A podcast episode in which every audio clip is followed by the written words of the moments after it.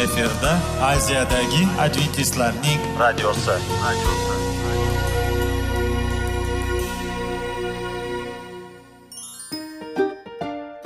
assalomu alaykum radio tinglovchimiz dasturimizga xush kelibsiz va bizni tinglayotganingizga sizdan judayam minnatdormiz bugungi bizning dasturimizning nomi sog'liq daqiqasi deb ataladi va biz sizlarga bu dasturda mevalarning foydasi haqida so'zlab bermoqchimiz ya'ni uning tarkibi uning tarixini va foydali xususiyatlari haqida.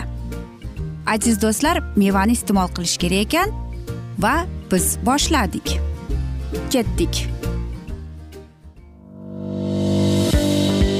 Sog'liq daqiqasi soliqning kaliti qiziqarli ma'lumotlar faktlar.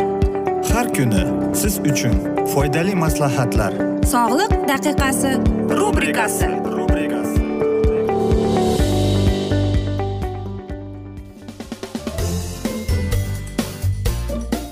assalomu alaykum aziz radio tinglovchilar. Dasturimizga xush kelibsiz va biz sizlar bilan tana va sog'liq degan dasturni o'qib eshittirishni boshlagan edik va bugungi bizning dasturimizning mavzusini ko'zni ortiqcha nurlardan himoya qilish deb nomlanadi. Albatta biz sizlar bilan o'tgan galgi dasturlarda ko'zimizni qanday qilib himoya qilsak degan dasturlarni o'qib eshittirgan edik. Ammo lekin ko'zimiznichi ortiqcha. Ko'z mana quyoshning nuridan qanday qilib o'zimizni himoya qilsak va bugungi bizning dasturimiz aynan mana shu. Agar sizning sog'lig'ingiz ya'ni ko'z qarashingiz siz e, befarq bo'lsangiz unda bizni dasturimizni sizlarga tinglashni tavsiya etamiz. Siz qachondir bo'lsa ham biror marta o'ylanib ko'rdingizmi nima uchun quyoshning e, nuri bilan va bizning ko'zimiz bilan mana shunday aloqa bor. Qarangki nur bu judayam qattiq elektromagnit ultra tovushlarni berar ekan va mana shu narsalar insonning ko'ziga kelib tushar ekan va bizning ko'zlarimiz doimo mana shu elektromagnitdan kelib qolganda biz ko'zimizni zararli narsalarni olamiz ekan. Bu xuddi biz e, ko'p marta rentgenga tushsak biz albatta zararli nurlanib qolaveramiz. Aziz do'stlar qarangki bu taxminan uch yuz to'qsondan yetti yuz ellik nanometrlargacha olib borar ekan. Va mana shunday ko'rinish nurlar deb ataladi ya'ni sizlarga bir narsani eslatmoqchimanki bir nanometr bu bir milliondan ortiq millimetrgacha ekan. Shuning uchun ko'plab aytaylik nurlanishlari bor lekin hammasi ham bunchalik bizga zarar emas. Quyoshning nurlari bizning ko'zimizga qanchalik zarar olib kelganini. Qarang ko'plab e, aytaylik usullari bor ko'zimizga zarar yetkazganini. Ya'ni bu aytamiz ko'z e, quyoshning nurlari. Bu ya'ni a va b. Eng bularning asosiy mablag'i bu albatta quyoshdir. Keling biz sizlar bilan bir savol bilan boshlaylik. Qaysi bir ma'noda mana shunday Э, nurlanish oqibati nimaga olib keladi yoki qanchalik bu? Bizning ko'zimizga zarar deymiz. Eng asosiysi qiyinligi shunda ekanki masalan qarang oppoq qor bizning ko'zimizga sakson foizgacha e, zararni olib kelar ekan. Qum o'n yetti foiz suv esa besh foiz. Eng yuqori pas bu albatta yashil o't ekan. Mana shuning orqasidan ham biz yozda judayam baland va mana shunday quyoshning nurlaridan ko'zimizga zarar olamiz ekan. Shuning uchun ham qanchalik bizning ko'zimizga quyoshning nuri zararli deymiz. Albatta biz buni o'ylamaymizki biz qanchalik ko'p quyoshda ko'z oynaksiz yursak biz ko'p kasalliklarni olib kelamiz ko'zimizga va albatta quyoshning nurlari bizning ko'z qarashimizni pasaytirib keladi. Shuning uchun ham bizning hozirgi zamonda hech ham o'zimizni himoya qilmaymiz. Lekin nega deb qarangki biz sizlarga aytmoqchimizki o'sha quyoshning ultra tovushdagi qatnashchilari bizning ko'zimizga judayam qattiq zarar keltirib chiqar ekan. Hattoki mana shu bulutlar ham albatta ular ko'rimsiz ammo lekin ular ko'rimsiz nurlarni taratadi. Va biz albatta mana shunday ahvolda ko'zimizga judayam qattiq tovushlarni olamiz. Biz tushunishimiz kerakki faqatgina kunimlik bizning umumimiz bu yetmish besh foizgina xolos. Ya'ni soat ertalabki o'ndan tungi soat uchga bor ekan. Va mana shunday ahvolda biz judayam qattiq zararni olib kelamiz. Albatta havo ya'ni bulutlar emas ular ham filtratsiya qilib keladi. Ammo lekin qanchalik quyosh past bo'lsin shunchalik ham biz o'zimizni himoya qilamiz.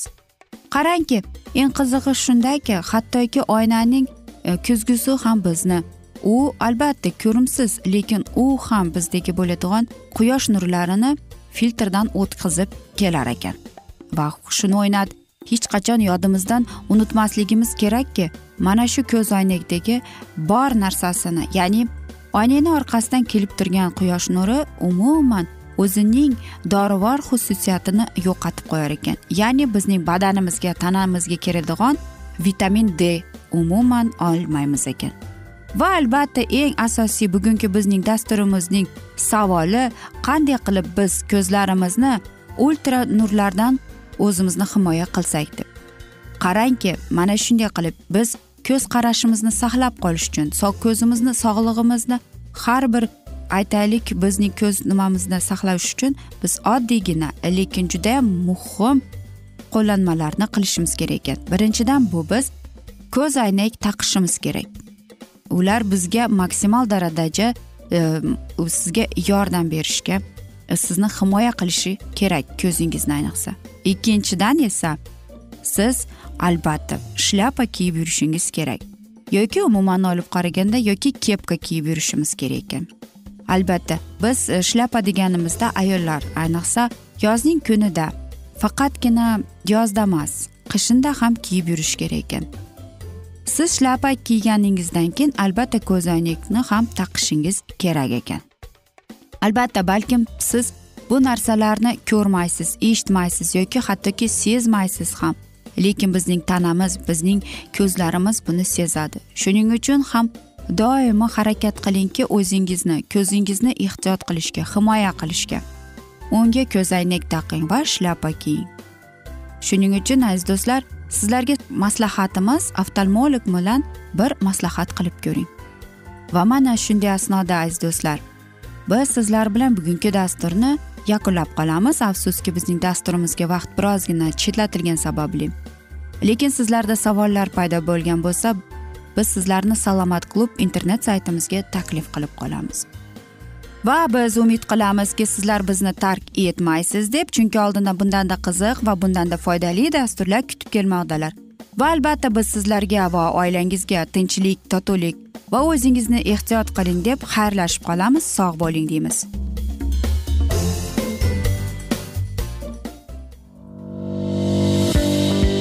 Sog'liq daqiqasi soliqning kaliti qiziqarli ma'lumotlar faktlar.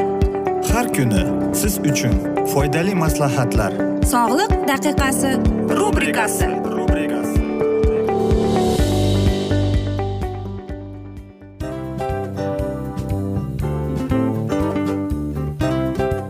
mana ha hayotda hamma narsaning yaxshi narsalar tugaydi va yakunlaydi degandek bizning dasturimizga ham yakun keldi. O'ylaymanki bizning dasturimiz sizga foydali bo'ldi deb aziz radio tinglovchimiz. Va siz o'zingiz uchun kerakli xulosalar kerakli maslahatlar olib oldingiz.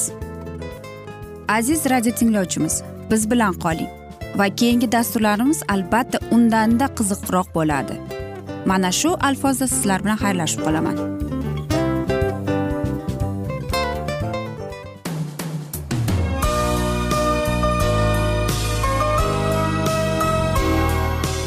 Efirda aziyadagi adventistlarning radiosi.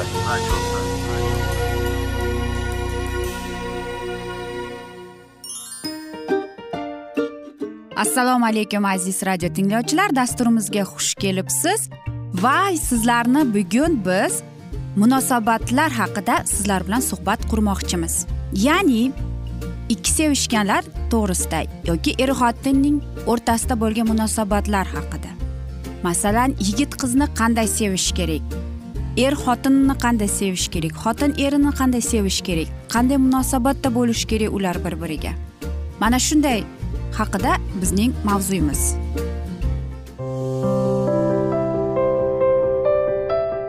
Har kuni har xil kasbdagi odamlar bilan sirlashish va bo'lishish. Sevgi rashq munosabat bularni hammasi dil izhori rubrikasida.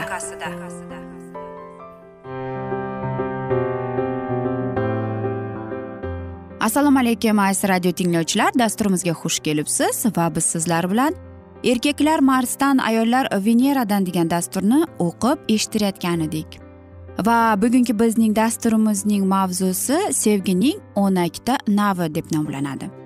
Albatta aziz do'stlar siz u sevgining ikkita navi borligini bilmagan edingiz ammo lekin qarangki bugungi bizning dasturimiz aynan nechta sevgi borligini ularning navlari qancha bo'ladi?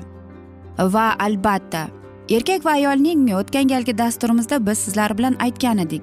Hissiy ehtiyojlarimiz har xilligini lekin hammasining mana shu hislari faqatgina bir narsaga olib keladi. Sevgiga muhtojligini.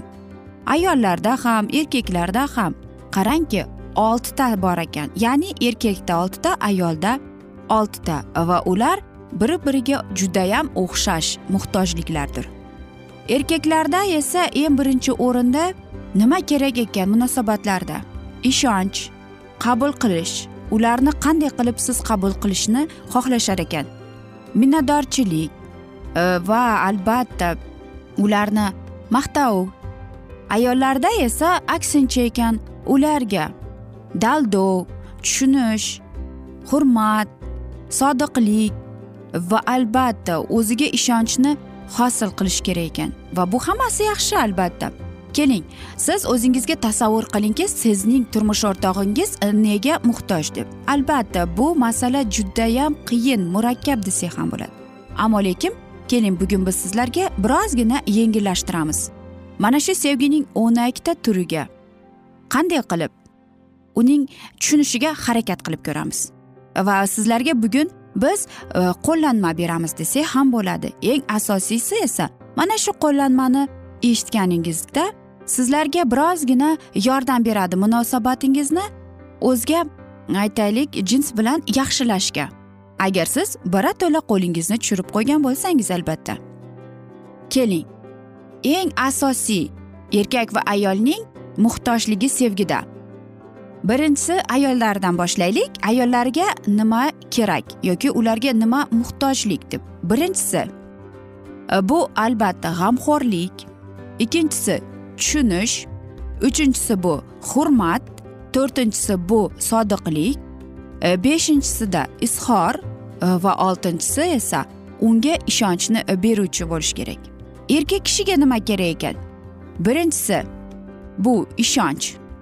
Ikkinchisi esa ularni qanday bo'lishini qabul qilish. Uchinchisi bu albatta minnatdorchilik. To'rtinchisi uni maqtov va albatta beshinchisini esa e, bu uni ma'qullash va oltinchisi esa unga yordam berish. Aziz do'stlar mana erkakda ham ayolda ham oltitadan mm, mana shunday sevgining e, navlari bor. Albatta bunday olib qarasa erkak kishiga ham har bir erkakka har bir ayolga ham mana shu sevgining hammasi kerakdir. E, va mana shunday biz o'ylaymizki ayollarning mana shu sevgisini muhtojligi ham erkak kishiga judayam muhim ekan va albatta teskarisi ham. Yoki aytaylik men sizlarga mana shunday birinchi bor mana muhtojlikni aytayotganimda inson hamma narsani o'zi qabul qilishi kerak.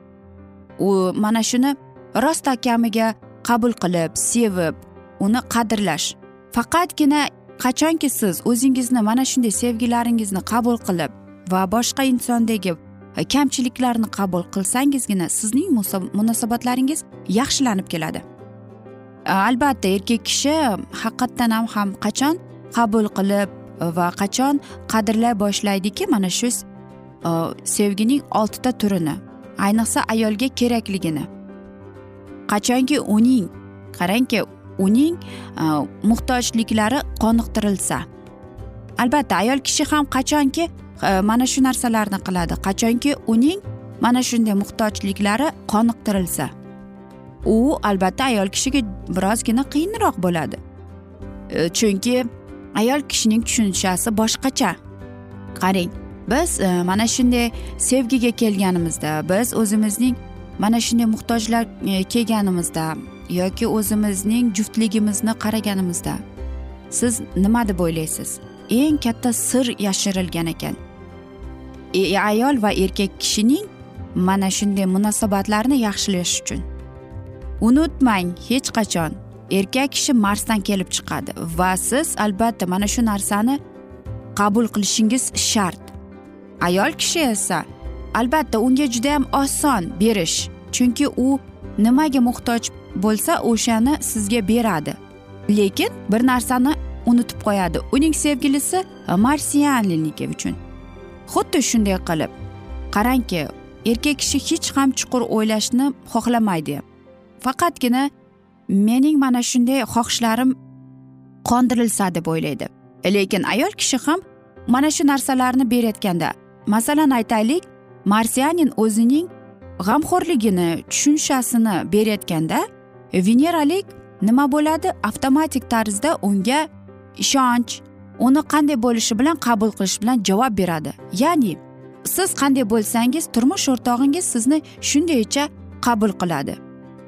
Ya'ni xuddi mana shunday qilib e, xuddi shu narsa veneralik bilan ham sodir bo'ladi. Ya'ni u marsianliklarga o'zining ishonchini ko'rsatganda e, marsianin avtomatik tarzda u bilan unga g'amxo'rlik qiladi. Chunki uning turmush o'rtog'i shunga muhtoj. Va albatta mana shunday muhtojliklar bo'lganda aziz do'stlar siz o'zingizni turmush o'rtog'ingizga nima berasiz? Sevgi berasizmi yoki g'azab berasizmi?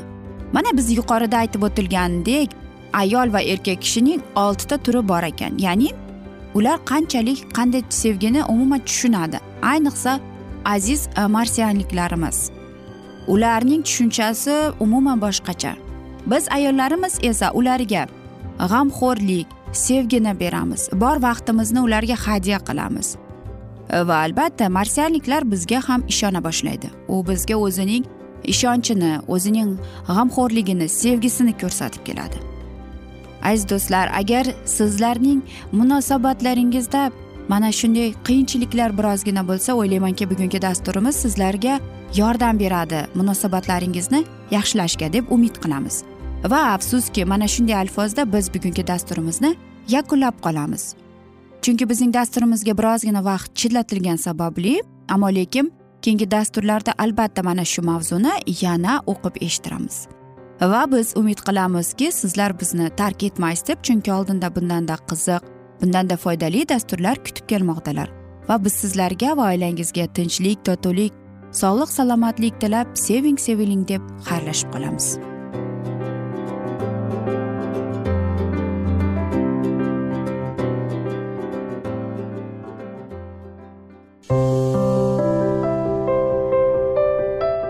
Har kuni har xil kasbdagi odamlar bilan sirlashish va bo'lishish sevgi rashq munosabat. Bularni hammasi dil izhori rubrikasida.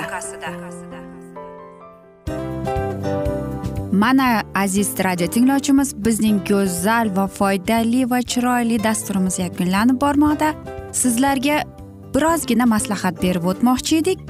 Bir biringizni seving qadringizga yeting va erkalang albatta bir biringizni va sizga judayam chiroyli va mustahkam munosabatlar tilab qolamiz albatta. Sevgilingiz doimo yoningizda bo'lsin. Mana shu borada sizlar bilan xayrlashib qolamiz. Xayr.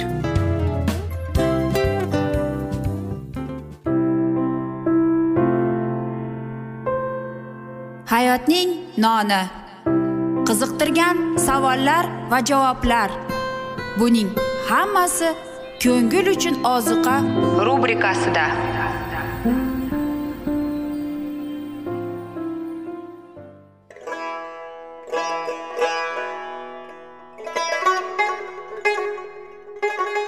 Assalomu alaykum aziz va qadrdon radio tinglovchimiz.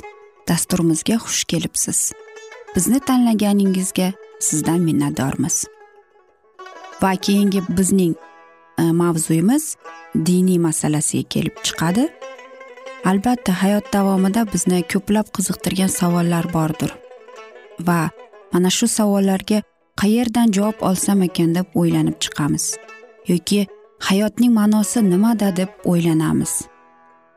Mana shunday dasturlar o'ylaymanki siz sizga foyda bo'ladi deb. Aziz do'stlar e, bugungi bizning mavzuyimizning nomi vahiy kitobning ochilishi. Ya'ni bu muqaddas kitobda shunday deb yozilgan. Vahiy kitobning bizga bo'lgan buyuk sovg'asi deb. Albatta mana shunday kitobni eshitib quloq solib e'tiborli bo'lsak biz o'zimizning qiziqtirgan hayotning ma'nosini tushuntirgan bizni kelajakda nima kutayotganini mana shu kitobdan bilib olamiz albatta. Va xudoyim bizga qanday rejalar ochgan bizga qanday kelajak kutayotganini aynan mana shu kitobda yozilgan va bizga mana shu kitob orqali xudoyim bizga aytib bergan. Keling aziz do'stlar mana shu kitobni e'tiborli va yaxshilab quloq solib va chuqurroq nazar solaylik shu muqaddas kitobga. Assalomu alaykum aziz radio tinglovchilar. Dasturimizga xush kelibsiz. Va biz sizlar bilan ulug' kurash degan kitobni o'qib eshittirayotgan edik. Va bizning bugungi dasturimizning mavzusi e, britaniya orollarida xabarning tarqalishi deb nomlanadi. Va biz sizlar bilan o'tgan galgi dasturdagi mavzuni bugun e, davom ettiramiz. Bu singari ehtiyotkorlik har doim ham ularni qutqarib qololmasdi. Ko'plari o'z imonlari uchun shakast topardilar. E, zindonlar to'lib ketgan oilalar parokanda bir qancha odamlar ona vatanlaridan chiqarib yuborilgan. Ammo xudo o'z xalqini tark etmadi. Shafqatsiz taqiblar xalqning ovozini bug'a olmadi. Ko'pchilik okeandan o'tib amerikadan panoh topdilar va u yerda fuqarolik va diniy erkinlik poydevorini qo'ydilar. Shu orqali bu mamlakat jipslashib shon shuhratga erishdi. Havoriylar davrida bo'lganida yana taqiblar injilning yoyilishiga turtki bo'lib xizmat qildi. Jon bunyan qaroqchilar va jinoyatchilar bilan to'lib ketgan qo'rqinchli podvalda osmonning yaqinligini his qilib turardi. O'sha yerda bo'mbo'sh mamlakatdan samoviy shaharga sayohat qilgan ziyoratchi to'g'risida mo'jizaviy hikoya yozdi.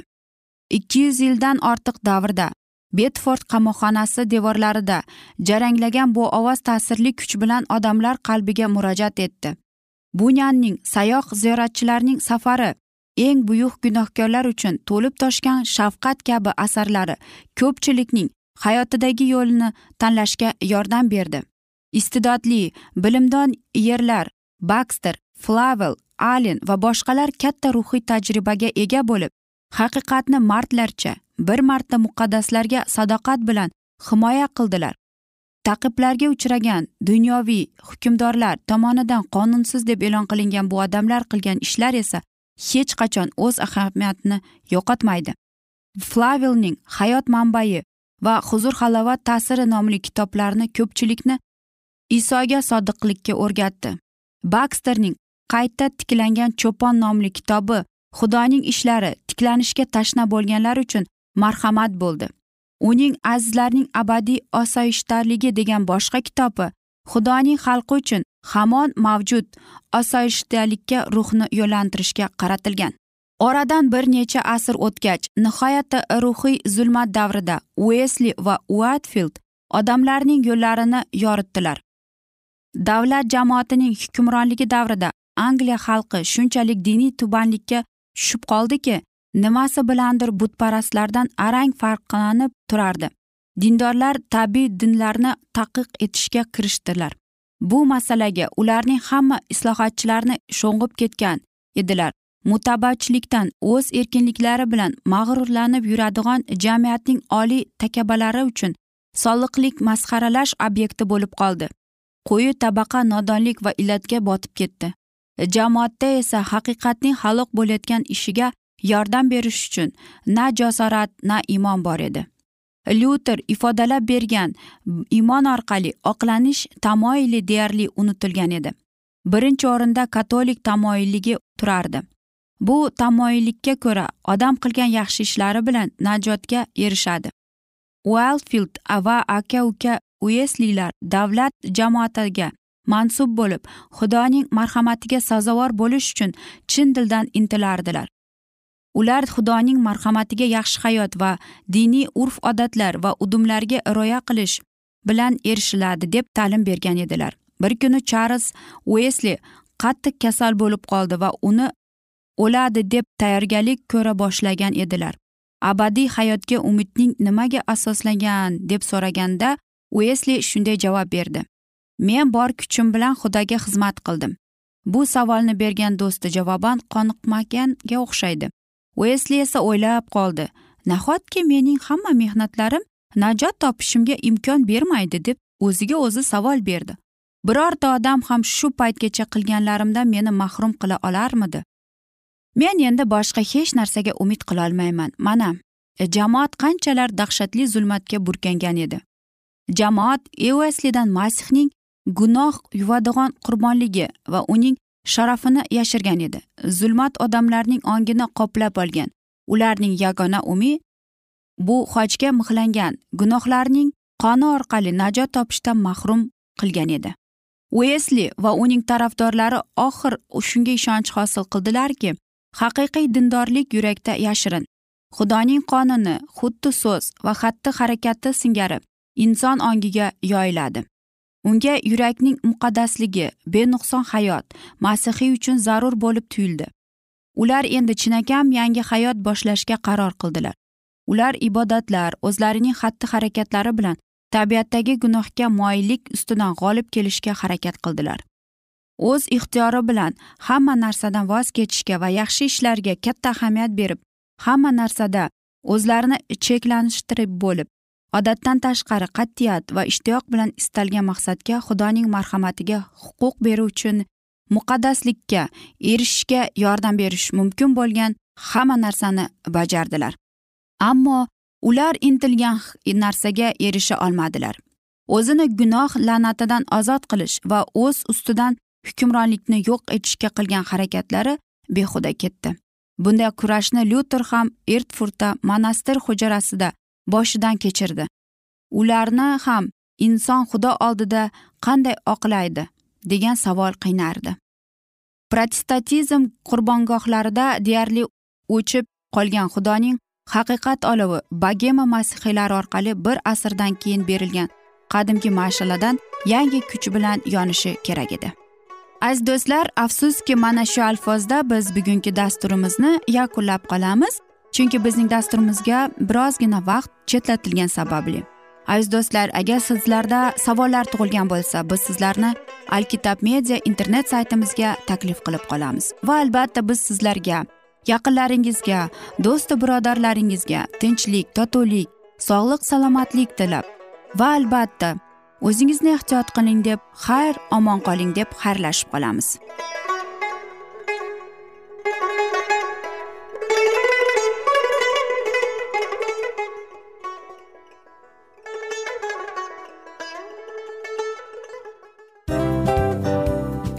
Narsaning yakuni bo'ladi degandek afsuski bizning ham dasturlarimiz yakunlanib qolyapti. Va biz o'ylaymizki bizning dasturimizdan o'zingiz uchun kerakli va foydali maslahatlar olib oldingiz. Sog'liq borasida sizga foydali maslahat berganmiz deb umid qilaman albatta. Va sizlarga mana shu borada sog'liq tilab qolaman. Munosabatlarga kelganda esa sizlarga sevgi omad va albatta yaxshi munosabatlar tilab qolamiz. Uchinchisiga kelganda esa bu juda chuqur va e'tiborli nazarni qumsaydi. Va sizlarga mana shu yaxshilik kayfiyatda sizni kayfiyatingizni ko'targan holda sizlar bilan xayrlashib qolaman afsuski. Ammo lekin keyingi dasturlarimiz undanda qiziq bo'ladi. Va siz biz bilan bo'ling. Bizni tanlaganingiz uchun sizlarga rahmat. Omad sizlarga. Xayr.